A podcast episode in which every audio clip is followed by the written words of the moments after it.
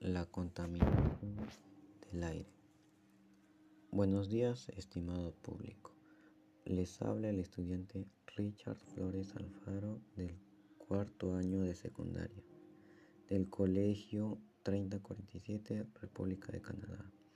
Hoy voy a hablarles sobre la contaminación del aire y cómo podemos cuidarlo. Es un tema muy interesante a tratar, ya que está muy vinculado en nuestra salud física, emocional. Además es un tema que nos compete ya que está afectando gravemente al lugar en donde vivimos. Hay muchas actividades que contaminan el aire y afectan nuestra salud. El humo de las fábricas. En este humo se encuentran gases, polvos, humos provenientes del carbono o gas natural en procesos de combustión ineficientes. El humo de las fábricas está conformado por pequeñas partículas que pueden penetrar profundo en los pulmones, provocando enfermedades cardíacas y pulmonares crónicas. La deforestación. Los árboles absorben el dióxido de carbono y al ser cortados liberan una gran cantidad de dióxido de carbono, lo que produce un gran incremento de este aire además puede provocar enfermedades respiratorias, cardiovasculares y aumenta el aire material particulado diverso y gases como el dióxido de carbono, ozono, metano, entre otros. La quema de basura también es uno de los enemigos de la calidad del aire ya que arroja muchas partículas contaminantes y tóxicas al aire. En un estudio se calculó que en el mundo se quema el 40% de basura. Tiene efectos como irritación en los ojos, problemas con la respiración y ataques de asma. Un claro caso de, lo, de la contaminación que puede llegar a ser tan excesiva es en Ventanilla y mi Perú, donde el Estado declaró estado de emergencias hábiles por 90 días por altas concentraciones de plomo que se midieron en tal lugar. La contaminación afectó a toda la población que vive en Ventanilla y mi Perú, ya que se encontraron altas concentraciones de plomo y metales pesados en su sangre. Algunas actividades económicas que contribuyeron a la contaminación del aire en el ozono fueron el transporte público y privado, las diversas fábricas que, se encuentran en la localidad. Estas últimas no controlaban sus, sus emisiones y no había forma de saber si estaban contaminando el medio ambiente. Esto pasa muy a menudo en zonas industriales.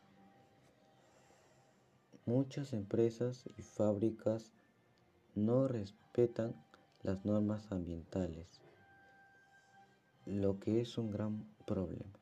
Pasados los 90 días del estado de emergencia, el Estado ya había accionado para controlar esta situación. En este tipo de situaciones afecta el derecho a una vida digna, el derecho a la salud y el bienestar físico y emocional.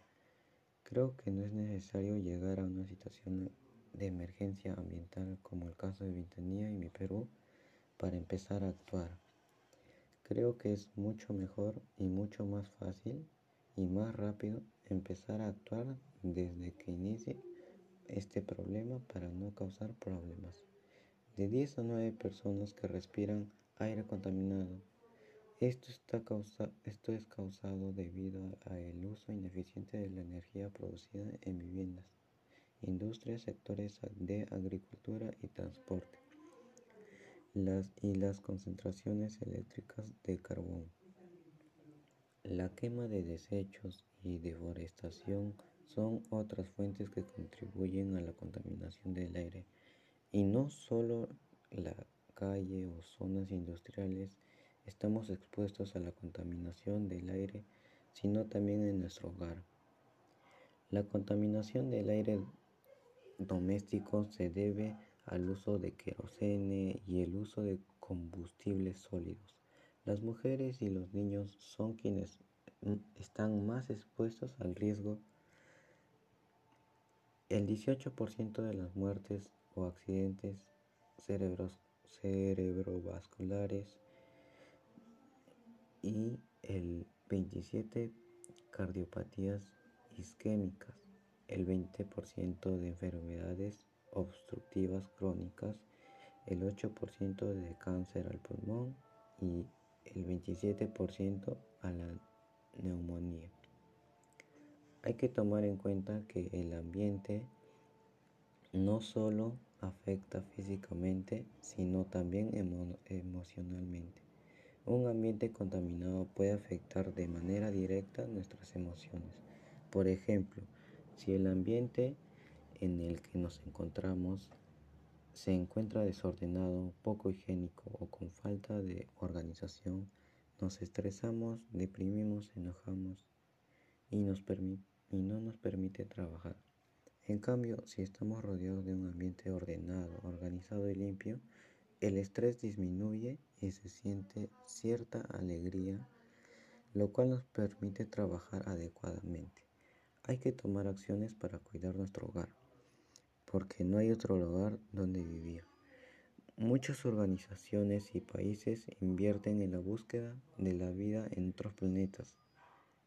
Creo que debemos invertir en el cuidado de nuestro planeta. Existen muchas acciones que pueden ayudar a conservar y cuidar nuestro ambiente. Aquí te comparto algunas.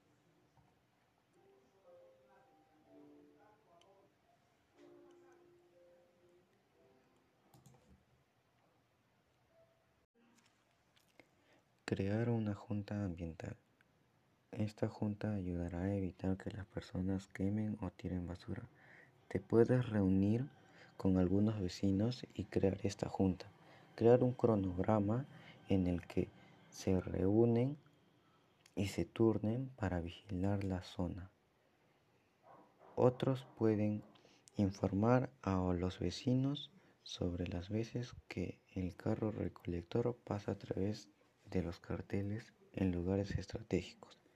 Reducir el consumo de electricidad, apagar las luces durante el día, aprovechar la luz solar al máximo, desconectar electrodomésticos que no uses, solo conectarlos cuando los vas a usar. Con esto contribuyes a disminuir emisiones de contaminantes y partículas. Además ahorrarás en tu próximo recibo de luz. Usa bicicleta o camina. Hacer ejercicios he dicho. A veces para movilizarnos a cortas distancias usamos el transporte público o privado.